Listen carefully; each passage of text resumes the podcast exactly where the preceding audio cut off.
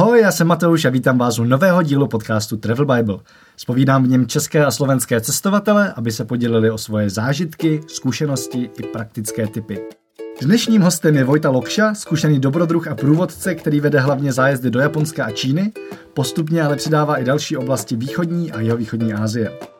Od 15 let se učil japonsky a na vysoké studoval čínštinu, díky čemuž studijně strávil rok a půl v Číně. Budeme mluvit jak o jeho práci, tak samozřejmě o cestách po Ázii a zajímavostech jak z Číny, tak z Japonska. Podcast jsme nahrávali naživo v rámci Travel Show v kavárně Dobrodruha na Žižkově. Tímto děkuji za krásný prostor a divákům za výbornou atmosféru, bylo to opět skvělý. Myslím, že jste si všimli, že je to poslední dobou s frekvencí vydávání podcastu Travel Bible opět trochu bída. Omlouvám se a slibuju, že v létě to bude výrazně lepší, ať máte na cestách co poslouchat. Aktuálně jsem totiž trávil nějaký čas na motorce ve Skotsku a hlavně většinu času makám na novém projektu X Challenge. Vydali jsme apku s pravidelnými výzvami a checkpointy po Česku a chystáme i letní akce X Challenge nástupce Low Cost Race. 10 dní dobrodružství, maximálně 2,5 tisíce korun na osobu, 100 checkpointů po celé Evropě, každodenní bláznivé výzvy, jako třeba stopnout si vrtulník, 24 hodin nemluvit, nebo pozvat milionáře na pivo a hlavně nespočet zážitků a setkání, na které účastníci jen tak nezapomenou. Mrkněte na xchallenge.cz a apku stáhnete zdarma v App Store i na Google Play. A zpátky k rozhovoru. Odkazy, nějaký Vojtovo fotky najdete jako vždy na travelbible.cz lomeno podcast. Pojďme na to. Tak jo, a já tady vítám eh, druhého, druhého hosta, který je velmi pravidelný host této kavárny mimo jiné. A dobře se tady s ním popí dlouho do noci, až ranních hodin. Občas. Je to na něm trochu vidět. A je to Vojta Loksa, tak prosím... Lokša. Lokša. Lokša. prosím, potlesk pro Vojtu. Eh, Děkuju. A já jsem přesně, Děkuji za pozvání. přesně tušil, že se mi dostane. Prosím tě, proč nemáš na Facebooku háček? No, protože já jsem si Facebook založil v době, kdy ho u nás měl málo kdo. A v době, kdy jsem studoval v zahraničí, abych to měl, protože tam mě to naučili, já jsem u nás, eh, já jsem v té době studoval na gymnáziu, tady to nikdo ještě neměl v té době. A tak jsem si říkal, co bych mal to. A víš, že to jde změnit? Vím, ale já jsem takový konzervativní a prostě to tam zůstalo. ale je pravda, pravda, že když to Matouš tady tu událost vypsal, já jsem poprosil, jestli mi tam může doplnit ten háček. Ne, že bych ho tam potřeboval, ale vypadalo to divně, když to bylo celé napsané s diakritikou a bylo tam mé jméno bez toho háčku, jo, tak mi to přišlo takové divné. A tak jsem to Matoušovi napsal a Matouš mi napsal, ty známe se roky a já jsem to doteďka nevěděl. Tak mě to Ano. přimělo se nad tím zamyslet, ale ještě jsem z toho nevyvodil žádný závěr, protože to je pár dní zpátky. Dobrá, no, my se skutečně známe roky, protože jsme se poprvé potkali na vítání prváků na, jak se to jmenuje, KSČ, což Ještě, je, ano, pozor. což je obor na Filozofické fakultě Masarykové univerzity kulturní studia Číny. Což je zamaskovaná čínština, aby to nemusela být lingvistika a je to super obor, ze kterého jsem bohužel po třech nebo třech a půl měsících odešel. Ale to vítání prváku bylo super a od té doby se s Vojtou známe. A já tady začnu tímhle, ale ještě těma pár rokama předtím. Ty jsi už tehdy byl ve čtvrtáku, v páťáku, něco takového? Já jsem to takhle jako nedotáhl. Ne? Tak no nevím, prostě už si tam byl několik let, když, když jsem tam byl ten první rok. Tak mě zajímá, co tě vůbec napadlo tam jít? No, tak to je trošku takové složitější, protože já bych to řekl, že eh, mě od živa zajímaly jazyky. A učil jsem se jazyky už během Gimplu a eh, přišla chvíle, kdy mi přišly evropské jazyky nudné a začal jsem se zajímat o ty azijské. A čínština nebyl první jazyk, který jsem se já učil. Eh, To byla japonština. A já v době, když už jsem šel před rok před maturitou, tak už jsem cítil, že japonský umím docela dobře, protože jsem strávil nějaký studijní pobyt v Japonsku.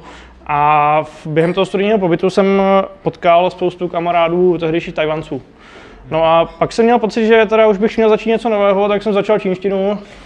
A studoval jsem ji chvilku ještě na jazykovce, ještě než jsem šel, eh, než jsem šel k maturitě. A pak jsem skončil na výšce a tam jsem se potkal s Matoušem. No, já jsem na ní teda šel hlavně proto, že tam bylo jako v propozicích, že pojedete na půl roku až rok do Číny. Jsem říkal, super, to je něco pro mě. A ty jsi v Číně byl? To není otázka, to je konstatování. Byl jsi tam, jsi tam byl rok, že jo? Na, na Eh, studiích. Na studiu jsem byl rok a půl. Rok a půl dokonce. A jaký to pro tebe bylo? Ty jsi teda jako vlastně poprvé byl v tom Japonsku, tak mm-hmm. nevím možná na jak dlouho. Si to můžeš jenom... Jasně, přesně- eh, v Japonsku jsem byl na letní, na letní škole dva měsíce. Jo. Dobré, takže ta Čína byl takové jako fakt vytržení z kontextu na delší dobu. Přesně Evropského kontextu. Uh, ano, přesně tak. Uh, nebyla to pro mě zdaleka první cesta do Ázie tehdy, jo, protože já jsem do Číny vycestoval během třetíáků na bakaláři a uh, moje první cesta do Ázie vedla do toho Japonska před rok před maturitou a ještě znovu před maturitou jsem měl Tajván, potom Tajsko, Laos, Barma v roce 2010 a takže ta Čína už pro mě nebyla tak něco tak šokujícího, ale na druhou stranu Čína je sama o sobě šokující, je strašně zajímavá a je to země, která na to, kde se nachází, v jakém regionu, tak je relativně opomíjená, když v když opomeneme pár hlavních míst, jako je Peking, Shanghai, případně Hongkong. Jo. Takže uh, ta země fakt uh, i, tak mě mnohem překvapila a uh, do dneška mě zajímá a do dneška mě překvapuje. Teďka jsem se vrátil v pondělí a minulý týden a prostě ta země se mění takovým tempem, že i když jsem tam nebyl teďka tři čtvrtě roku, tak mě mnohem překvapuje zase znova. To, to mě právě docela zajímá. Tady byl, naposledy tady byl kamarád Pavel Dvořák, který žije v Šangaji. Hm. A byli jsme na Andělu v metru, to bylo nějak, když zrovna zavírali tam ty schody na 9 měsíců. A oni to hlásili prostě, že zavírají schody na 9 měsíců. On se začal strašně smát. A jsem se teda taky smál, protože 9 měsíců je fakt dost. On říkal, no, v Šangaji by to bylo za den. To je pravda, to je pravda. Tak mě zajímá ta změna, jako jak to vnímáš ty, když tam jezdíš relativně často, ale přeci jenom tam máš nějaký odstup, on tam žije, takže jako vnímá tam. Mm-hmm. Mě se zajímá ten tvůj pohled docela. Jasně, no tak eh, v čem vidím hlavně rozdíl od toho roku, když jsem tam strávil první půl rok na studii, což bylo v roce 2012, až do teďka. Já do Číny, když eh, jsem to nestudoval, tak jezdím tak jednou, dvakrát ročně, vždycky na dva až čtyři týdny zhruba. A co hodně pozoruju, tak je rozvoj technologický a rozvoj bohatnutí nějakých menších měst, protože v Číně eh, probíhá masivní přesuv populace z venkova do měst a města strašně rostou a města se strašně modernizují. A já jsem poprvé studoval v hlavním městě nejchudší čínské provincie, protože mě nikde netáhla ta, ta vykladní skříň Číny, takže jsem šel opravdu do nejchudších míst. A tehdy, přestože už eh, to město bylo relativně moderní, protože zase, i když je to nejchudší provincie, tak to město je takovou vykladní skříní. No a teďka jsem tam byl po sedmi letech znova a naraz metro, kde mají naprojektováno 8, link, 8 linek, zatímco když jsem tam před těmi sedmi lety studoval, tak eh, byl problém sehnat autobus někam a celkově. Um, ta jedna věc. Eh, druhá věc, co mě strašně fascinuje, tak je veškeré přesouvání všeho do, té, do toho elektronického prostoru. A konkrétně platby hotovostí mizí. Třeba v Číně je dneska čím dál tím větší problém zaplatit nějakou hotovostí, protože všechno běží přes eh, bezhotovostní platby, přes QR kódy. Úplně to přeskočilo ten segment, který máme tady, nějaké kreditní karty, platební karty. A v Číně prostě, když už nezaplatíte, když nemáte možnost eh, platit mobilem, což má každý Číňan, nebo každý, kdo má v Číně účet, což zase cizinec, který tam je na krátkodobý pobyt, tak nemá. Tak eh, jako třeba už mě fascinovalo, že eh, platil jsem pětijenovou bankovkou, což je 15 korun. A když jsem z ní potřeboval vrátit eh, ty dva jueny, tak musela prodavačka běhat někde po vesnici a zhánět, zhánět hotovost, protože to tam nikdo nepoužívá. Samozřejmě eh, tohle má jednu stránku pozitivní a to, že to je pohodlné pro ty lidi, ty platby. Eh, ta negativní, ta stíná stránka toho je, že to není zdarma. Je to proto, aby ta Čína vás mohla sledovat, aby měla přehled nad každou transakcí, nad každým osobním setkáním každých dvou lidí, které se tam stane, které se tam stane. A, no a tohle je další právě, eh, co pozorujeme v těch změnách, že prostě v Číně všechno směřuje k ohromnému sledování a prostě tak ano. Mění se nějak lidi? Ne. Lidi se nemění, uh, lidi se nemění, já si myslím, že nemají moc důvod si měnit, protože k ním nepřišel nějaký takový důvod zvenku. Spoustu lidí, uh, když slyší Čína nebo když se podívají do Číny, tak uh, jim přijdou ti lidi zvláštní, neslušní, drzí, nevychovaní či nevzdělání a tak dále. Můžeme si najít spoustu adjektiv, které budou některé budou pozitivní, některé budou negativní a víc jich bude asi negativních. A spoustu lidí má, ty, má tu potřebu ty Číňany soudit a tak dále. Nicméně eh, z jakého titulu my můžeme soudit zemi, která je úplně izolovaná a která má dvakrát víc obyvatel než Evropa? A proč, by, proč bychom měli soudit našimi měřítky? Myslíš, že nemění ani to, že teďko začínají docela dost cestovat? Minimálně ta střední třída ve městech, která strašně moc roste. Ano. Eh, Číňani, eh, ne že začínají cestovat, Číňani už cestují a bohužel na spoustu zemí, hlavně v okolních regionech, eh, myslím, že takový zvláště ostrašující případ třeba Kambodža, která je dneska takovou čínskou gubernií, tak ty vlivy toho čínského turismu jsou a jsou velké a jsou řekl bych převážně negativní. Jenomže ty země, kam Číňani hodně cestují, tak jsou často chudší země. A opět, eh, Kambodža je chudá země, která potřebuje peníze. Bude se přizpůsobovat Číňanům nebo naopak? Uh, můžeme to samozřejmě extrapolovat i do Evropy, kde to bude platit v nějakém jiném měřítku, ale ten princip zůstává stejný. Každopádně třeba Hlavně zajímavé... ten poměr asi bude úplně jiný, že? A když ano, vidím, ano. kolik denně přiletí Číňanů do Číňanů mají v Tajsku a kolik jich přiletí do Prahy, tak je to totální nepoměr. To je pravda, to je pravda. A teď jsem zapomněl otázku. Se podívám. Eh, jak to tam je s cestováním? V Číně nebo? Jo, po Číně. Jakože když chceš ty jako turista cestovat po Číně, ty to máš jednodušší, ty umíš čínsky. Jasně. Eh, no tak eh, spoustu, zemi, spoustu lidí si myslí, že Čína je takzvaná komunistická země. Jo? Pak takový lidi, kteří jsou o tomhle přesvědčení, tak jsou velice zděšení, když uvidí takový kapitalismus, o kterém se nám nesnilo když to řeknu zase trošku takovými líbivými slovy. Samozřejmě eh, v Číně je spoustu věcí, které jsou v principu jaksi komunistické, jakože veliké regulace všeho, eh, dále nemožnost eh, vlastnit půdu jenom pouze pro nájem a tak dále. Na druhou stranu v Číně prostě drtivá většina, nebo velká většina lidí se živí sama na sebe, jsou to podnikatelé a v Číně opravdu jsou ohromné rozdíly mezi bohatými a chudými a funguje tam opravdu kapitalismus, který je velice tvrdý. Naopak eh, Čína postrádá takové základní základní prvky, ty levicové prvky, prostě toho, ty nějaké sounáležitosti, neexistuje tam sociální systém, eh, podpora nezaměstnanosti a tak dále. Takže na jednu stranu si spoustu lidí myslí, že Čína je komunistická země, Eh, protože se jmenuje, protože strana se jmenuje komunistická strana, protože se jmenuje Lidově demokratická republika, ale ostatně ta Klodera, o které mluvil vládě, tak je taky lidově demokratická, jo, takže, takže takto. No a k tomu cestování teda zpátky. Ano, uh, sorry, k cestování. Uh, jo, já jsem chtěl říct, že spoustu lidí si myslí, že to je nějaká totalitní země. Uh, Čína není. Čína je zemí, kde můžete úplně v pohodě cestovat, kde se setkáte s velmi málo odporem, myslím nějakým byrokratickým úředním, i když ti Číňani vás velice dobře sledují. Bez pasu si nekoupíte donedávno lístek na vlak, dneska už ani lístek na autobus, a mnohdy ani třeba lístky do památek a tak dále. Nicméně v Číně můžete cestovat naprosto volně, téměř všude, kde nejsou žádné vojenské základny, nebo to není tibetská autonomní oblast, nebo to není autonomní oblast Ujgursko ale prostě ty možnosti jsou velké. Problém bude v, především v nějaké komunikační bariéře, protože v Číně uh, velice málo kdo mluví anglicky. Opět je to věc, na kterou se spoustu lidí u nás pohoršuje, ale proč jako bychom se měli pohoršovat nad tím, že v zemi jejíž uh, mluvčí jsou nejpočetnější na světě, že tam někdo neumí nějakým jazykem, kterým se mluví v Americe. Takže v Číně se cestovat dá, cestovat se dá dobře, kvalitně, je tam spoustu zajímavých míst, které můžete navštívit. Já jsem v Číně cestoval, neumím to vyčíslit, ale myslím si, že to bude blížit e, zhruba roku čistého času jenom cestování.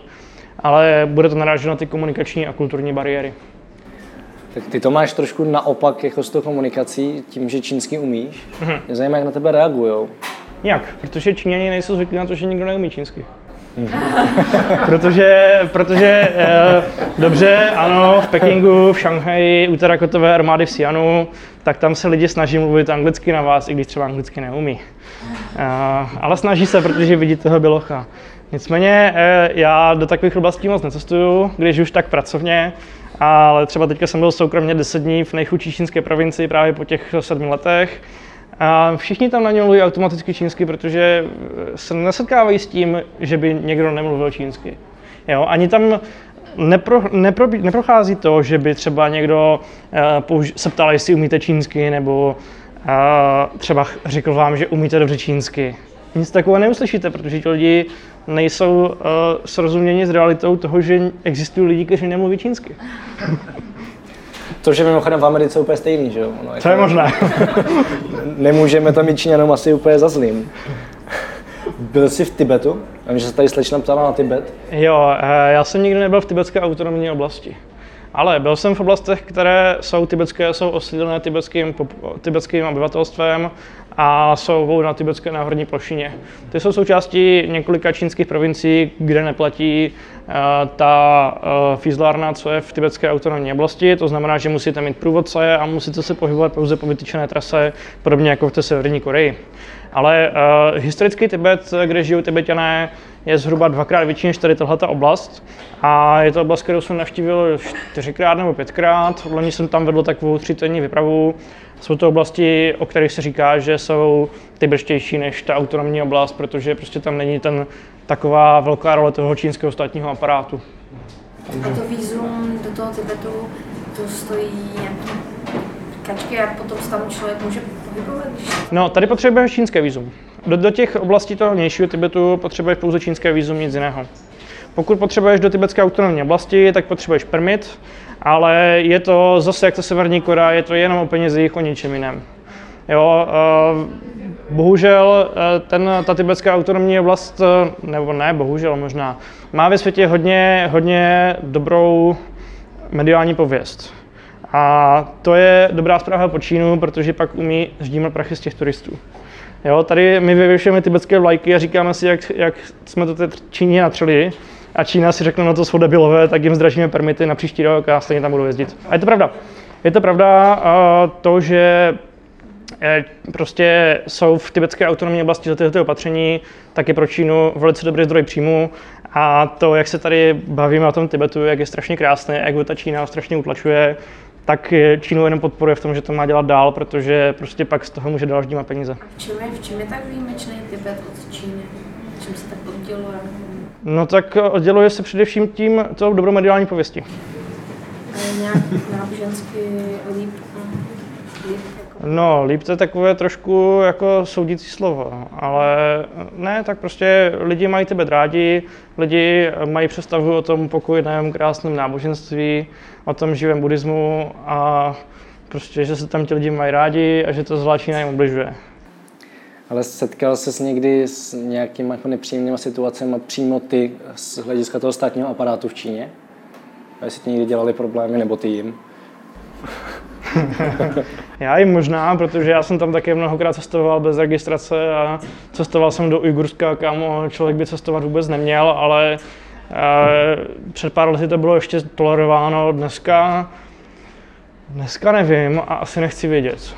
A vzhledem k tomu, co se v tom Ujgursku teďka děje, tak já tam prostě třeba nechci cestovat. Jo, ale jinak si myslím, že asi ne. Um, asi ne. Jako měl jsem taky třeba nabídky, když jsme cestovali potom, potom Kamu, což je ten východní Tibet, který je součástí jiných čínských provincií, že nás provezou kamionáci, které jsme stopovali do, do té tibetské autonomní oblasti. A já jsem si říkal, jako to zní dobře, jo, ale no, tak mě tam doveze, pojedu někde pod tou cisternou s benzínem, tam někde 20 hodin, Jo, a dojedu do toho města a tam vystoupím z toho kamionu a první fízl mě zatkne a zruší mi výzum, které mi platilo ještě půl roku. Bohužel, ano, je to takové dost smutné, ale i člověk, když v té Číně je, tak si musí dávat pozor, jak se vyjadřuje, co, co říká a tak dále, pokud tam třeba ještě se chce podívat. Jako je to smutné, protože Eh, jsou některé věci, které Čína provádí ve světě i v České republice nebo tady na naší mediální, na mediální politické scéně. A pokud já do té Číny chci, což chci, protože ta Čína je ohromně zajímavá, s ohromně zajímavými lidmi a kulturami, spoustu kulturami, tak prostě se třeba nemůžu úplně otevřeně pouštět do něčeho, čeho by se pustil, kdybych uh, tam nechtěl. Ještě než se dostanu k těm kulturám, tak hmm. ty jsi teď zmínil stopování a vím, že stopování po Číně je dost legendární. Tak máš, máš nějaké historky ze stopu z Čín, v Číně? No, většina mých zkušeností se stopování v Číně je právě z těch eh, chud, chudších eh, venkovských oblastí. Protože mezi městy, eh, kdekoliv v té vnitřní Číně, v té hustě osídlené Číně, mi to vždycky přišlo strašně nepraktické. Hmm. Protože ta města jsou tak předostlá, že je strašně těžké se dostat někam, kde člověk uh, může stopovat. Uh, maximálně tak, že si tam vezme taxíka, což trošku popírá ten, tu myšlenku toho stopování. Zkoušel jsem to párkrát, když byly třeba prázdniny, ale šlo to strašně blbě. Uh, vždycky jsme někoho ukecali, kdo nás dovezl na druhé parkoviště nebo mytnou bránu, až jsme sehnali policajty, kteří nám stopovali všechny projíždějící autobusy a všechny auta se projížděly, aby nám sehnali toho stopa. Protože to bylo období velkých prázdnin v Číně, což nikdy neporučuji nikomu cestovat, ale uh, já jsem tehdy byl v Číně jako student, takže jsem to taky měl jako jediný volný čas. No sehnali jsme, sehnali jsme, policajti nám sehnali stopa, no, ale Jinak eh, na tom venkově to jde, na tom venkově to jde. Možná zmíním uh, případ svého kamaráda, který žil dlouhé roky v Šanghaji. A uh, pak se jednou rozhodl, že, si, uh, že se zaletí podívat domů do Brna a něco si tam potřebuje vyřídit, tak to vzal stopem. No tak jako jsme si říkali, tak jako jo, dobré, pěkně se projel, trvalo mu to dva měsíce. A pak se zase potřeba vrátit do Šanghaje, protože tam měl nějakou práci. A si říkal, no tak poletí, aby, nezdržoval, aby se nezdržoval. A pak nějak jsme se potkali jednou u piva v Brně a pak říkal, ty jo, já mám nějaký festiák ještě na Ukrajině a pak jel na Ukrajinu. A když byl na té Ukrajině, si říkám, tak jako když už jsem na Ukrajině, tak to už asi dojedu, tak to zase stopem. Ale já ti zkušenosti ze tolik nemám, jo, takže to jsou spíš... Kdo to byl, toho člověka? Lukáš Lebrant. Lukáš Lebrant Hydrant. A je třeba nějaká, nějaká nevýhoda nebo čeho se bát třeba nějakých, nějakých nemocí v těch zemích jako v Tibetu, Nepálu? No, uh, v Tibetu, nemocema něco. V Tibetu, v Tibetu je prostě hodně špatná hygiena. Očkování, no, tak hodí se všude po světě, v chudších zemích Eh, žloutenka. Břišní tyfus, já nevím, já osobně ho nemám, asi spíš dlanosti, než že bych ho nechtěl eh, z principu si očkovat. A, a neměl jsem žádný problém. No a pak jsem si dovezl už několik takových uh, suvenirů, proti kterým by se stejně očkovat nedalo, takže nějaké infekce hezké jsem si dovezl asi třikrát, takže proti tomu by mi očkování nezachránilo.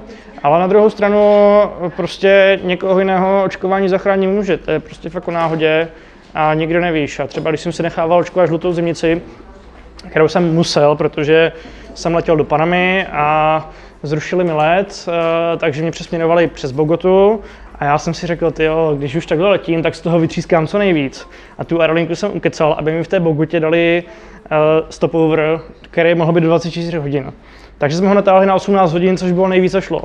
A těsně potom, co jsem to potvrdil, tak jsem zjistil, no a teďka si musím dát střelit žlutou zimnici, protože eh, do Panamy přiletím ze země, která má whisky žluté zimnice. Sice sotva vytáhnu paty z letiště, ale přiletím ze země s vyskytem žluté zimnice a musím mít... Ale to ani nemusíš vytáhnout paty z letiště. Já jsem letěl do Keni přes Etiopii, hmm. jenom jsem přestupoval, asi tak čtyři minuty jsem na to měl jsem fakt jenom proběhl celé letiště a stejně mě kontrolovali v Keni, prostě každý, kdo vystupoval z letadla, tak jako když, když bych neměl Hezky. ten certifikát, tak smůla. Hezky. No, tak po mě to naštěstí nechtěli vidět, nebo ne naštěstí, protože já jsem si to na poslední chvíli nechal, nechal dát, ale pak se mi to hodilo několikrát v Africe, jo, kde to člověk už potřebuje v názemích, eh, takže stejně by si to později nechal dát. Ale člověk, když si čte ty případy té žluté zimnice, jak to vypadá, tak se jako moc nechce. A pak ještě, ano, teďka další věc, na kterou jsem si vzpomněl, Ležel jsem před rokem s jednou infekcí v Ostravě, kterou jsem si dovezl z Malajzie. A ležel jsem na infekčním oddělení a vedle mě ležel kluk, který si dovezl z, z Argentiny právě žloutenku. A ležel jsem tam s ním dva týdny na tom pokoji a viděl jsem každý den, jak ten doktor za ním chodí a říká mu, prostě jak zase ty léčky nezabírají a jak tady bude ještě tři čtvrtě roku ležet a tak dále. Jo. A prostě jsou to věci, člověk si na internetu přečte, otevřete si jakýkoliv cestovatelské fórum, tam se řeší, já letím do Tajska, potřebuju očkování proti tomu tomu, a deset lidí to napíše, já jsem byl v Tajsku a nic jsem si neočkoval a jsem v pohodě. Jo, ale ten člověk, co tam si prostě zničí ty játra, ten tam třeba nenapíše. Jo, takže... Ano. Pokud to byl tak to byla nějaká jiná ne, ne, ne, neměl očkování, říkal mi to, že prostě se nechtěl očkovat, že si říkal, že je to v pohodě. Eh, věděl jsem, jestli to bylo Ačko nebo Bčko, teďka si to nepamatuju, určitě to nebylo Cčko, proti kterému se nedá očkovat. Ale prostě jsme dospělí lidi zodpovědní za sebe a Myslím si, že opatrnost je někde na místě a to, že můj kamarád eh, se něčím nenakazil, tak nevím, nemyslím si, že by to měl být dobrý důvod, proč bych se třeba neměl o sebe starat já. Ale pojďme ještě zpátky do Číny. Mě trošku teď zajímají ty kultury, protože spousta lidí si Čínu představí jako jednu zemi. Ona čistě teoreticky je, ale prakticky je tak obrovská, že samozřejmě prostě nebude všude stejná. Ono tady stačí dojet do Ostravy a jste v úplně jiném světě, na to, když přejedete celou Čínu, že jo. Tak můžeš tomu třeba něco říct, jako co je tam třeba z hlediska té kultury jako zajímavý vidět? Jo? Já vím, že spousta lidí říká, hele, zajďte si na sever, zajďte si na jih, ať jenom vidíte ten rozdíl. Mm-hmm. No, a jasně, sever je jedna věc, druhá věc je zajet si do města a na venkov. To je fakt zase úplně, úplně něco jiného a vůbec uh, se nemusíte pohybovat mezi různými etniky. Prostě městský život čínský, uh, kde prostě všechno o penězích a kdo má peníze, tak je největší king a kdo nemá prachy, tak prostě má úplně smůlu v životě. A ten venkov, kde lidi nemají co do huby, často od sebe dělí třeba 100 kilometrů. Jo, opravdu Čína, Čína je země ohromných kontrastů a to je ten, jak jsem říkal, tvrdý kapitalismus. Prostě když peníze máte nebo nemáte, tak eh, je to ohromný rozdíl pro vaši kvalitu života. Co se týče těch kultur, tak eh, Nemyslím si, že tohle bych označil za úplně kulturní rozdíl, protože i v tom městě, i na venkově platí dost podobná pravidla. Ti lidi se v některých věcech chovají dost, dost podobně, i když mají jiné prostředky. Ale Čína je země, kde je 56 eh, státem registrovaných etnik. A už tohle samo o sobě znamená, že ta Čína prostě není, není jednolitá a v Číně, když pojedete eh, na sever, na jich třeba, tak se setkáte s různými, různými praktikami a různými lidmi. A, a co je určitě nejvýraznější nebo nejznámější uh, menšinové kultury, tak je samozřejmě ten Tibet a Ujgursko, ale nejenom tady toto. Největší čínskou menšinou jsou Džvangové a je tady někdo z vás, kdo slyšel někdy o Džvanzích? A je 20 milionů, to je dvakrát víc než nás. a je to etnikum, které žije v docela známé a často turisticky navštěvované oblasti kolem města Yangshuo, které je známé právě vápencovými homolemi, mezi kterými protéká řeka Li.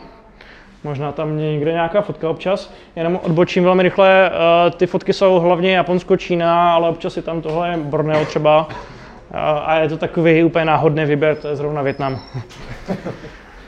um, no a um, takže Džvangové jsou opravdu největší čínská menšina, o které jste pravděpodobně vůbec nikdy neslyšeli, z velké části právě proto, že nemají tak dobré PR jako právě třeba Tibet, Svého času jsem si říkal, že by mě strašně zajímalo, když se někdo ve světě začne zajímat o Ujgury, když se tak zajímají lidi o Tibet.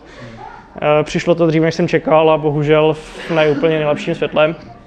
No a pak máme etnika jako Mialové, kteří jsou zajímaví svými opravdu krásnými pestrobarevnými kroji, kteří žijou v Jižní Číně a opravdu, že to na vesnici, tak fakt je mají na sobě, není to žádná jenom zoo nebo eh, třeba nášíové. Náší je eh, etnikum, které má eh, jazyk, který má piktogramické písmo. Opravdu piktogramy, které nejsou jako čínské znaky, které nejsou z velké části piktogramické, když si to lidi často myslí. A prostě velice zajímavé písmo, které jste pravděpodobně nikdo neviděli. Opravdu eh, těch různých etnik je tam spoustu a některá jsou příbuznější, některá, některá méně. Jaký máš názor na čínské jídlo? Já totiž do té doby, než jsem jako ochutnal skutečně čínské jídlo, tak jsem si myslel, že to je strašná sračka. A dneska je pro mě čínské jídlo mezi top 3 na světě. Mm-hmm. A úplně jako nejlepší jedno jídlo, co jsem kdy měl, bylo čínské. Bylo teda v Melbourne, ale bylo v takové hodně čínské restauraci, kde nikdo neměl anglicky. A, tak mě zajímá tvůj názor na čínské jídlo. Teď. A ještě tě přeruším, zeptáš, ano? Já, to není top 1, top 2, to jsou prostě top 3. Eh, Japonsko a Větnam. Ještě, ještě bych tam možná k tomu přidal Koreu, čím si úplně jako nejsem teď jistý. Tajsko ne? Tajsko ne, mě Tajsko, jako, Tajsko je skvělý, mám ho hrozně rád, ale Tajsko je jídlo, nebo tajské jídlo je jídlo, který se po měsíci až dvou omrzí, mm-hmm. což se třeba ve Větnamu nestane, pokud, obzvlášť pokud cestujete skrz Větnam. Jo, tak dost přerušování a jdu tě na tvoji otázku, ale taky mě tady tyhle ty věci zajímaly. No, eh, čínské jídlo za mě super, za mě opravdu dobré a taky je pro mě mezi top 3, nebo minimálně určitě mezi top 2. Ale Zase stejně jako ta Čína je rozmanitá, tak i to čínské jídlo je rozmanité. A Proto se na severu je úplně jiná kuchyně než na jihu, na východě než na západě. A já se najdu spoustu jídel, které fakt miluju a spoustu jídel, které fakt nesnáším. Můžeš dát nějaké příklady? Eh, Smradlavé tofu skvašené. Jo, smrdí to jako odpad a třeba ve městě, kde, kde já jsem studoval, tak jsme měli, byla taková úzká ulička a jsme tam vždycky museli projít, abychom nemuseli obcházet daleko. A vždycky to tam smažili, to se smaží ještě v oleji. A vedle toho byl ohromný kontejner s, odpadem a, a celou, celý půl rok jsme řešili hádanku, co to smrdí. A pak jsme zjistili, že obojí. A to je třeba věc, kterou nemůžu. Pak různé kuřecí pařádky, to je prostě, Číňani to mají strašně rádi, to prostě ožužlou a, a A to mi zrovna přišlo docela v pohodě. Tak ty smradlivé věci taky nemůžu, ale kuřecí pařádky, jenom to musíš umět žužlat. Jako, ono, já nemůžu říct, že ty pařádky by byly špatné nebo nechutné. Pro mě jsou nějaké, protože tam na tom nic není. No, tak, to je taková jako žužla věc, když nemáš co dělat. Ale oni to mají rádi jako na jídlo. Nebo mají pocit, že to je dobré. Potom uh, přemýšlím, co ještě mi nesedlo. Uh, sam, jako vnitřnosti teda moc nemusím, ale to, je, to není jen specifikem čínské kuchyně, pravda, že oni toho mají uh, hodně, mají to rádi. Uh, kontroverzní taková častá věc je psí maso, což musím říct, že v Číně není zdaleka tak běžná věc, jak si lidi myslí. Jo, je to hodně okrajová věc, ale zrovna právě v tom městě, jako já jsem studoval, tak tam to bylo, tam to dost frčelo a ne, frčelo to až do té míry, že zatím jezdili čínští turisti. Jo, protože pro Číňany, pro spoustu Číňanů je to hodně, hodně nevýdaná věc. Tak pojďme spíš těm pozitivním. K těm pozitivním, Kde jsi měl nejlepší jídlo v Číně? eh, v Sichuanu. Sichuanská kuchyně, může to znít jako kliše, protože je ta sichuanská kuchyně je vyhlášená a uh, já jsem vyzkoušel jídlo po celé Číně, ale pravda, že i třeba když jsem v nějaké neznámé oblasti čínské, tak když si chci dát něco, co budu znát dobře, tak si zajdu do sichuanské restaurace. Samozřejmě mám náladu často zkoušet místní věci, ale je to takové, to jako když prostě si jednou, jednou za půl roku v Ázii si potřebujete zajít do Mekáče, protože víte, co tam dostanete, tak eh, když jsem byl třeba rok v Číně, tak eh, přijedu do neznámé oblasti, já jsem unavený, vrátím se po náročném dni a nechci experimentovat, tak si zajdu do sečuanské restaurace, protože vím, co tam zhruba dostanu. Přestože to bude chutnat úplně jinak než v Sečuanu, protože třeba na východě se dost bojí čili nebo eh, takzvaného sečuánského pepře, což je taková, takové divné koření, po kterém vám hodně brní rty a jazyk. A v Sečuanu to mají rádi. Když si dáte sečuanské jídlo na východě nebo na severu Číny, tak eh, tam toho bude minimum, protože na to nejsou zvyklí, ale furt je to takový prostě ten mekáč, že člověk ví trošku, co dostane. Já jsem si také dával hunanské jídlo v New Yorku Ano. a tam bylo uh, obrovský nápis přes celé, takhle celou výlohu Spicier than Sichuan.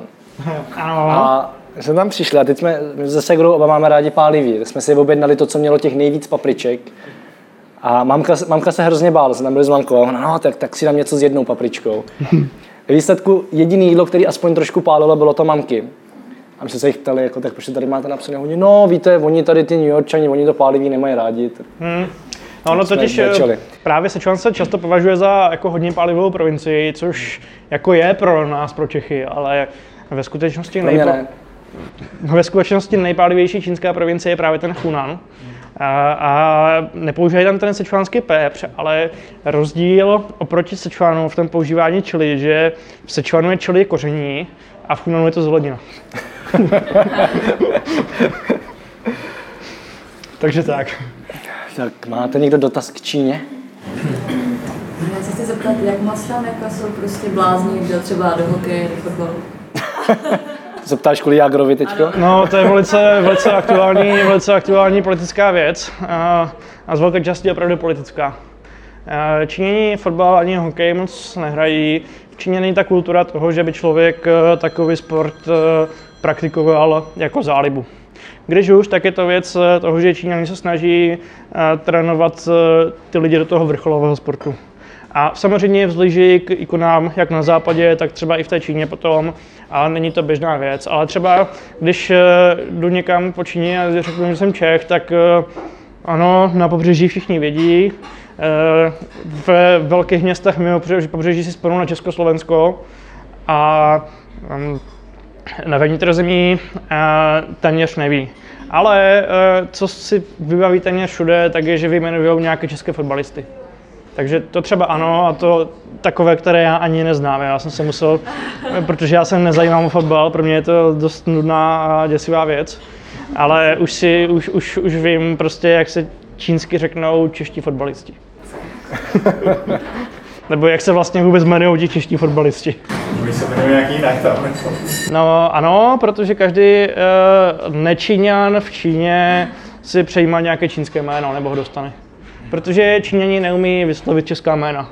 Funguje to i naopak, když Číňani třeba eh, komunikují se západem obchodně, tak si zase sami berou, berou nějaká západní, většinou anglická jména. Eh, někdy docela normální, jo, prostě vám píše Chris Jack Liu a Tommy Wang a tak dále. A pak samozřejmě Někteří eh, jsou kreativnější a berou si dost divná jména. Třeba já si pamatuju, potkal jsem holku, která si říkala anglicky Apple, nebo která si říkala Sword. Takže tak, ale každý člověk, eh, který eh, je v čínských médiích zmiňován, tak dostane nějaký čínský přepis jména a pokud třeba vy jako cizinec jdete do Číny, tak taky dostanete nějaké čínské jméno, které pak používáte. Mimochodem jenom k těm jménům, jo. My jsme v Iránu potkali holku, která se představila jako Swallow. Ano. Ne Swan, Swallow. Nebudem to tady překládat. Je to až po desáté hodině. Jste měla nějaký dotaz? Mě by zajímalo to trošku jako rozebrat právě to protože já jsem byla teda v těch sousedních zemích, jako z té západní strany středoazijské. A četla jsem už nějakou zprávu, že se Kazachstán tam snaží jakoby dostat uh, Ujgury uh, z Ujgurska, což jako vzhledem tomu, že i ten režim v Kazachstánu není úplně čistý, byť je demokracie mnohem blíž než v Číně, tak uh, ta situace asi bude dost jako opravdu vážná. Pak jsem viděla nějaký uh, německý dokument, kde srovnávali situaci asi během pěti let a taky to vycházelo jako dost, dost v podstatě zle. V podstatě tam konstatovali, že tam dneska už vůbec nemůžou natáčet a nic. No tak uh, jestli z Číny se stává uh, policejní stát, tak v Ujgursku se, se z toho stalo policejní stát už před lety. A v, v Číně si své špehovací technologie zkouší především v Ujgursku a opravdu tam pravděpodobně z mých prostředkovaných zpráv tam probíhá dost zásadní, zásadní, prosím? Nevím, jestli použiješ takhle silné slovo. Nechci podléhat úplně té mediální tendenci, která teďka běží, ale rozhodně se tomu Iguři teďka nemají dobře a možná jste mohli být v Praze nedávno Prahy měl přednášku jeden eh, kazašský Ujgur, který právě o tom, jak se mu podařilo dostat eh, z čínského koncentráku tak, že a, že měl kazašské občanství, protože v Kazachstánu strávil většinu života, přestože byl etnický Ujgur. A, a když kazašská vláda teprve zatlačila na Čínu, kde je náš občan, není proti němu veden zatykač a kde je, proč zmizel, tak se teprve dostal ven. No, já si myslím, že na tady diskuzi o Ujgursku existují podstatně platformy, kde, bych, kde si myslím, že by to bylo lepší řešit, jo, protože já informace o tomhle mám zprostředkovaně a nechci se zabývat moc politickými tématy, protože myslím si, že jsme na cestovatelském večeru. Jo, a ne, nemám o tom dost uh, informací, abych mohl soudit uh, nějak fundovaně, než, uh, než prostě to, co jsem slyšel z dalších zdrojů. Láďo? Já jsem tě chtěl zeptat, hmm. co se týče čínských turistů. Ano. Je v Číně nějaká země, o kterých se tvrdí, že tam prostě Číny jako nejezdit? Mám pocit, jsou jako všude, že se nebrání na žádný země. Tak jestli existuje nějaká země, o které se říká v, Čí, v Číně všeobecně jako ty jedeš do té země, ty tam přesně nejezdíme. Myslím si, že uh, krátká odpověď je ne. Uh, další odpověď bude, uh, samozřejmě jsou země, které v Číně nejsou populární, protože zatím Číně neobjevily. Ale další věc je zase, že Čína používá ten turistický ruch taky jako takový politický nástroj. A přestože čínští turisté nejsou nikde ve světě moc populární, kvůli tomu, jak se lidi chovají a tak dále, tak Spoustu, a spoustu zemí se snaží držet si s Čínou dobré vztahy proto, aby tam Čína ty uh, turisty posílala, protože, jsou, protože tam samozřejmě přináší peníze, protože lidi Číňani, kteří cestují, tak jsou Číňani, kteří mají peníze. A, Mají hodně. a mají hodně. A jsou ochotní prostě je dát k dispozici. No a eh, když byly některé země, které třeba s Čínou měly nějaký diplomatický konflikt, tak eh, Čína jednoduše vydala varování, nejezděte do té země, není tam bezpečno a ten kohoutek z velké části zastavila, protože, eh, jak říkám, většina těch Číňanů, kteří cestují, tak cestují s čínskými cestovními kancelářemi, které ještě zprostředkovávají zájezdy za nákupy, což je prostě v Číně úplně běžná věc a točí se s tom velké peníze a když čínská vláda vydá varování, nejezděte tam, tak ty kanceláře tam prostě jezdí přestanou. Nezávislí cestovatelé tam klidně jezdí čínští, ale ti nikoho moc nezajímají. Ale je, je možný označit nějakou zemi, která pro rok 2018 byla hitem v Číně, jako nově objevenou na Číně ve velkým? Nevím o tom. Eh, No, zemí, eh, kam Číně jezdí ve velkém, tak těch bych ti vyjmenoval hodně. Ale nemyslím si, nebo nevím o tom, že by byl nějaký konkrétní hit. Je zajímavé, že třeba čínsko-japonské vztahy jsou hodně špatné a Číňani plivují na Japonsko, kde to jde, ale eh, pořád Číňani ve velkém do Japonska jezdí, jezdí, tam- jezdí tam nakupovat, jezdí tam poznávat a to nikomu nevadí. Ale přitom ti samí Číňani prostě poplivou to Japonsko, kde můžou. Ale pojďme pomalu přejít k tomu Japonsku. A mě zajímá, kde jsi v Ázii zažil největší bizár. Co to bylo? Jestli to bylo v Číně, nebo jestli to bylo v Japonsku, anebo někde jinde. No, Jestli si vůbec na něco takového vzpomeneš, jako co se dá označit za největší bizár po x měsících v Japonsku a x letech v Číně. Jo. No, spíš by to bylo v té Číně. Spíš by to bylo v té Číně a nenapadá mě teďka nějaký konkrétní, konkrétní tak bizarní zážitek. Ale bylo by to v té Číně a prostě bylo by to nějaká směska toho, kolik ti lidi mají peněz a jak se tam chovají s tím někde na úplném venkově. Jo, tam prostě vznikají takhle divné, divné věci. V tom Japonsku řekl bych asi ne. Japonsko taky spoustu lidí má spojeno s různými divnými věcmi, z nich některé nejsou úplně pravdivé, jako typu automaty na použité kalhotky a tak dále. Jo, ale to Japonsko ve výsledku není tak bizarní. Nebo spoustu zem, věcí v Japonsku lidi překvapí, že vlastně je to úplně normální země a je sice trošku zvláštní, ale takovým hezkým způsobem zvláštní. Jak dlouho tam vydržíš naraz, jako na jeden pobyt? Než tě to začne štvát? Jo. No já jsem nej, nejvíc nejdéle v Japonsku v jednom kuse byl tak dva měsíce, ale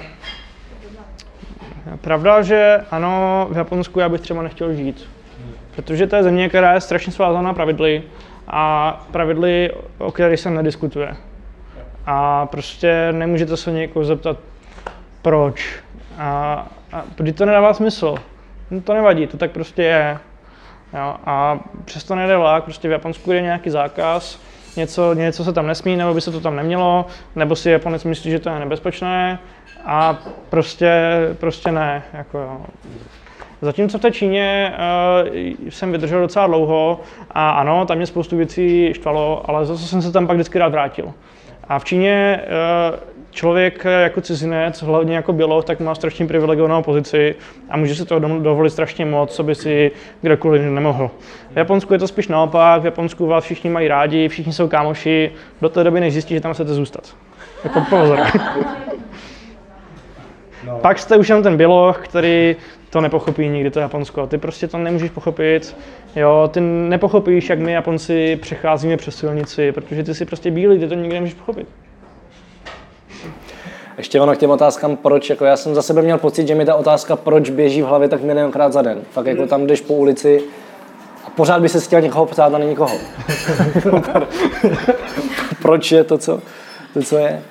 A pomáhá ti tam třeba jako v tom fungování to, že umíš japonsky? Protože Jo. pro mě to byla obrovská překážka. A ne, Jo. nevím, jakoby, nakolik by to bylo jinak, kdybych japonsky uměl. Uh, rozhodně si myslím, že ano. Nemůžu říct úplně jasně, protože jsem tam nikdy ne- nebyl, aniž bych uměl japonsky. Předstírat, že neumíš. No já vím, ale asi přestírám, když mi někdo na mě mluví, něco se mi snaží vnutit, jo, tak občas jako ale uh, jasně, je to strašně, strašně užitečné a člověk si strašně pokecá s těmi lidma, protože Japonci, spoustě lidem, spoustě lidem, co Japonsku navštíví, tak jim přijdou Japonci jako studení, uh, ne moc přátelští a tak dále. Ale to vychází často spíš z té japonské stydlivosti a z toho, že oni se bojí mluvit jiným jazykem a protože ne, naopak od těch Číňanů, kteří mluví čínsky úplně automaticky, tak je třeba nenapadne, že člověk, který je bílý, by mohl mluvit japonsky.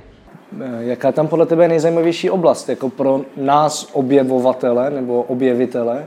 Já my jako obecně jako Češi rádi jezdíme tam, kam nikdo nejezdí. Vždycky, když někde potkáte v horách uprostřed někoho cestovatele, tak je to vždycky Čech, to je prostě pravidlo číslo jedna.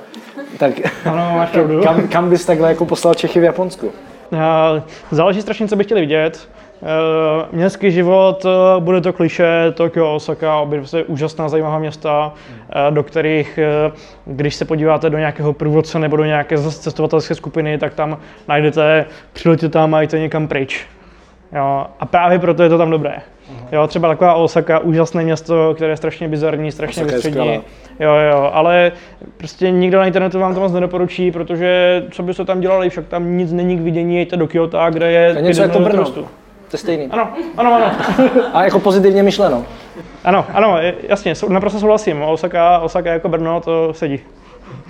A, a takže klidně tato města. Poznáte spoustu uh, prostě městského života, úžasné hospůdky, úžasné jídelní podniky a tak dále. Uh, na přírodu japonské Alpy, krásné hory, nebo Hokkaido, krásné sopky, prostě krásné termální prameny, úžasné. Byl jsem tam v zimě, možná to tady teďka někde Tohle je zrovna právě ta, tibetská vnější oblast. A ta japonská zima tam možná už byla, někde tam taky bude. Uh, a i v lé- léto a zima je super na tom Hokkaido. Eh, Kyushu taky super, krásná sopečná krajina, úžasné. A venkov eh, v Japonsku kdekoliv krásný. To preferuju klidně úplně v tom centrálním Japonsku, kolem třeba Matsumota, Nagana, Kanazawa. Kanazawa je krásné město, kam moc turistů nejezdí ani japonských. Přitom je to tradiční město, je to druhé největší město, které nebylo zničeno bombardováním ve druhé světové. A ty jsi strávil spoustu času v Ázii, nejen tady v těch dvou zemích. A zajímá mě jako to tvoje porovnání Ázie a Evropy. Jak- Jaký tady vnímáš největší rozdíly a třeba jako co bys si z Ázie přinesl sem a naopak, co bys si sem rozhodně nenosil? No tak nenosil bych sem asi ty konfuciánské struktury, což znamená, prostě každý má své místo ve společnosti, které nemůže změnit a, nemůže odmlouvat a nejhorší, co člověk eh, může mít, je nějakou vlastní mysl svoji a sám přemýšlet nad tím, co chce dělat a ne, co mu dala společnost. Tak tohle bych rozhodně jsem z Ázie nenosil. Co bych naopak uh, uh, nosil, Já jídlo rozhodně. Jídlo, to jsem chtěl říct. jídlo, jídlo rozhodně. Jídlo rozhodně a já nevím, takovou větší pohodu, řekl bych. Jo, možná ani Čína, ani Japonsko není takovým úplně typickým reprezentantem té azijské pohody. To zase třeba bych jako zabrousil někam dál na jich v té Azii. Ale prostě takovou pohodu, uvolněnost a třeba radost z toho, co máme. Jo? Že tady u nás eh, v ČR my si myslím, že se máme dobře. My se máme dobře, tak si stěžujeme na to, v čem se nemáme dobře. V Asii se lidi mají hůř, podstatně, v- ne ve všech zemích, ale v mnoha zemích se mají hůř. Ale prostě tak jsou rádi za to, za to, za to co mají. A prostě to už eh, tady padlo, když tady mluvil vládě před chvíli, že lidi v chudších zemích často jsou vděčnější za všechno, za, za co mají a tak dále. Jo. Já bych s tou pohodou možná zmínil Bangkok, to je takový ideální příklad. Jako nemám rád velký města a přitom bych se do Bangkoku klidně přestěhoval. S tím, že má 15 až 25 milionů obyvatel, nikdo neví kolik přesně. A je to tak neuvěřitelně v pohodě, že fakt bych se tam klidně přestěhoval. Tak nějaký dotaz teďko? Někdo? A jak jsi prosím tě začal s čínštinou? Jako pro mě to tak nepochopitelný jazyk, že prostě absolutně jako... No je to jazyk hodně zajímavý a je dost, dost těžké do něj nějakým způsobem proplout. Já jsem začal uh, kurzem v jazykovce v Ostravě v roce 2009. Ale začalo to tak, že jsem právě studoval v tom Japonsku, jak jsem zmiňoval, a měl jsem tam ve třídě hodně lidí z Tajvanu. A prostě usoudil jsem, že bych chtěl něco nového, tak jsem poslouchal hodně té tajvanské čínštiny. A tak jsem si řekl, no tak třeba ta čínština, jako zní to zajímavě. Je to sice docela brutální, ale tak uvažoval jsem o korejštině, ale ta se v té Ostravě tehdy nedala studovat. A jsem za to rád teda nakonec. Jsi jako překladatel, prostě vlastně na tyhle Ne, eh, dělal jsem slovníky asi 4 roky, ale dneska jezdím jako průvodce do Asie. A to je, se ještě chci zeptat na to písmo, takže vlastně to písmo, oni si můžou jako přečíst všichni Aziati, že se prostě jako, ne. V žádném případě. Všichni V lepším případě. kteří umí číst. V lepším případě ani to není tak jednoduché a většinou ano, ale víš co, ty jako Čech taky nepřečteš indonéštinu, když se píš latinkou. Jo, a č- japonština převzala část písemného systému z Číny v roce, pardon, v 6. až 8. století a od té doby se vyvíjí samostatně. A ty jazyky jsou naprosto odlišné, vůbec nemají nic společného, takže Eh, Japonština eh, si to v písmo začala formovat úplně jiným způsobem, protože eh, pro tu japonštinu nevhodné to písmo, protože ten jazyk funguje úplně jinak. A vymyslela si dvě abecedy japonština, která se používají zhruba od 11. století a také s těmi čínskými znaky. Takže to písmo je dneska úplně jiné, přestože má nějaké společné základy a vidíš v tom třeba přes nějaké podobné slovo, které se čte úplně jinak a mnohdy znamená něco jiného, protože prostě ty písemné systémy se vyvíjí odděleně po stov, stovky let. Další dotaz nějaký? Já si můžu eh, koukat na ty tvoje fotky. Ano. Jsou skvělý, některý jsou úplně úžasné. Děkuju. Mám pár dotazů na to. Ano. Uh, je to praxe, nebo jsi prošel nějakým kurzem, prostě focením, máš pěkný rakurs, hezký, hezký vybarvení to máš. Děkuju, děkuju. Já jsem eh, to, že mám- si mám přines nějaké fotky, jsem zjistil zhruba hodinu, než jsem sem vyjížděl, takže, takže je to taková na, na rychlost hrábnutá galerie a myslím si, že bych udělal líp, kdybych eh, se měl, kdyby se připravil. Ale ne, já se prostě, já jsem samouk, eh, v, v roce 2012, když jsem si poprvé koupil nějaký rozumnější foťák, tak jsem prostě eh, strávil letní prázdniny čtením o fotografii a do dneška se učím to aplikovat. Myslím si, že se pořád učím. A uh, ty fotíš asi nějakou zrcadlovku, máš dlouhý sklo, nějaký- Fotím, fotím bezrcadlem, kompaktem s vyměněnými objektivy v, v APS-C a mám eh, možná tam něco ze širokáče, ten už nemám, ten jsem utopil, ale ještě jsem se nekoupil. jako uh, širokou, širokou Ano, A potom tam jsou nějaký fotky z telefonu, ne? Ta kvalita je taková hodně mizerná. Eh, Ne, ne, ne, potom tam mám, eh, potom tam mám, potom tam mám setový objektiv, potom mám, uh, mám světelný, pevný, potom mám teleobjektiv a pak mám ještě rybí oko, to tam možná taky pár hraček bylo. Netaháš toho moc zbytečně?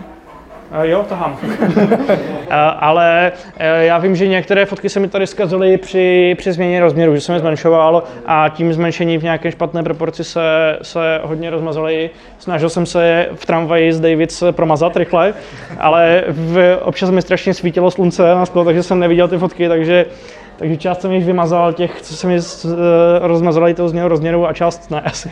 Takže chodíš, chodíš na co v kompakt nebo nějaký ten, Kompakt s vyměny objektivy, bezrcadlový a PSCčkový. tak to je hodně. Děkuju. Ti pak ukážu svůj kompakt s měnými objektivy. o foťáku totiž vůbec není. Takže Vojto, jsi dobrý. Dík. Nápady, věci. To je český pivovar v Tibetu tady tohle. O kterém jsem se dozvěděl téměř jako náhodou. Ale to, ještě mám vlastně jednu otázku. Cestuješ, jsi zmiňoval, že cestuješ i mimo Asii, tak jako proč tě teď pořád baví se vracet do té Asie? Je to už jenom pracovně, nebo, nebo to máš stejně jako já, že jsi není závislý? Eh, Asi to druhé spíš, ale to je zase krátká odpověď, trošičku další odpověď, už nechci rozbíhat moc hluboko, je, že eh, ano, zhruba tři čtvrtiny mých cest do Ázie jsou pracovní, ale já se vždycky snažím si je prodloužit. Jo, prodloužím si je do nějaké další, další cesty. Teďka jsem třeba právě byl skoro měsíc v Číně, ale tím, že jsem tam dva týdny prováděl zájezd a deset dní předtím jsem si víc trošku ještě letěl sám eh, po vlastní ose. Jo, a pak jsem ještě chvilku potom zůstával sám. Takže to se snažím vždycky dělat.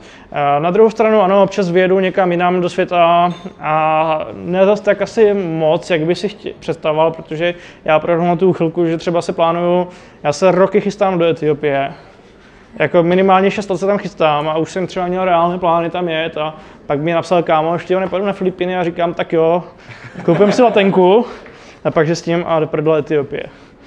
Jo, ale třeba jsem právě letos jsem byl v Africe, byl jsem v Senegalu v Gambii za, za kamarádem, který tam žije. Bylo to super a strašně jsem si to užil. A pak jsem už jako poslední dvěma si říkal, jako dobré, Afrika dobré, nemůžu říct křivého slova, ale ty už se těším do Azie. Takže takhle. Jo, jo, to máme, to máme docela podobně. tak ještě někdo máte dotaz, než to uzavřu?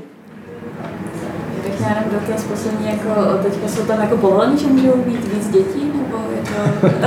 Ano, uh, Bavíme se No. o Číně teda. ano. jo, po, pochopil jsem, že je dotaz na čínskou politiku jednoho dítěte. To bylo vyprávění tak na 10 minut, tak třeba potom uh, u piva, ale ano, dneska můžou mít Číňani uh, většina z nich dvě děti. A je to trošku nebezpečné, že jich je prostě strašně moc, jako je to prostě hnusný říct, ale jako prostě to zaplavají ten svět, jako že prostě, a když začnou spotřebovat, tak si říká, že oni bohatnou, takže jako se můžou vyskupovat. Tak dvě děti jsou v pohodě. Jenomže když ta populace teďka zestárne, kdo bude vydělávat, když nebudou děti? Půjde, půjdou Číně do důchodu a prostě nebude mít kdo pracovat v té Číně. A ta Čína zkrachuje a když zkrachuje Čína, tak zkrachuje svět. To je v jedné větě odpověď, jo? To je fakt diskuze na hodně dlouho, ale... Diskuze, diskuze k pivu potom. Tak já bych řekl, že už dneska je jasný, že budoucnost patří Číně a s tím už asi nikdo nic neudělá. No, nevím, jak dlouho ta budoucnost bude trvat. Uvidíme.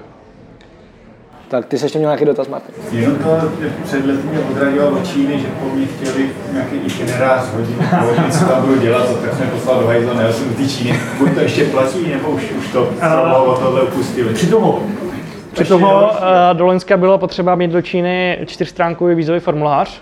A loni, loni uh, ho překopali a celý ten systém překopali a potřebují 10, 10 stránek teďka.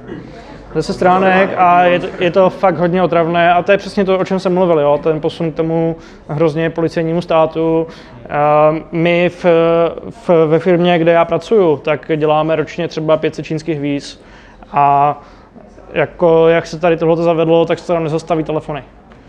A- opravdu je to dost příšerné, já jsem si tím teďka prošel. Eh, Je třeba strašně moc věcí řešit a kvůli strašným blbostem ty žádosti vrací a je to horší. Takže vyražme do Číny, než to bude 100 stránek. Jo? A na druhou stranu, eh, já samozřejmě fandím nějakým, nějakému většímu poznání Číny, ale eh, eh, dneska jsou možnosti vyrazit tam na třeba pět dní během nějakého tranzitu. Sice to se nedostanete moc daleko někam na nějaký autentický venkov, ale můžete být pět dní v Pekingu a v okolí, nebo v Šanghaji v okolí bez víza. A to je lepší než, než nic. A když myslíš ten desetistránkový, tak to jako je deset stránek podrobného itineráře? V čem to Ne, ne, ne, ne, ne, tenhle ten, ten itinerář je tam jako jedna z položek.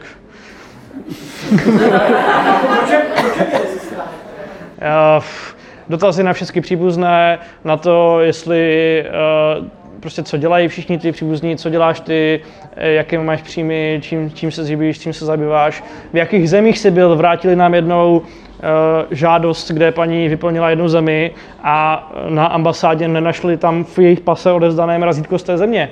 Takže si mysleli, že jim za tebe je pas a vrátili nám žádost a tak dále. Uh, nejlepší dotazy, co mám rád, jestli jste někdy ztratili pas a jaké bylo číslo toho pasu a kde jste ho ztratili. A to samé s čínským vízem. Už jste někdy ztratili čínské vízum. Eh, Já jsem musel mimochodem dohledávat eh, číslo povolení k pobytu v Číně, co jsem měl, které jsem měl v pase, který už dávno nemám. Tak jsem ho musel nějakým způsobem dohledávat, protože jak jsem vyplnil, že jsem v Číně žil, tak jsem to v ten okamžik musel mít. Ale problém, že ztratíš pas, já jsem ztratil úplně všechny zatím, co jsem vyměl.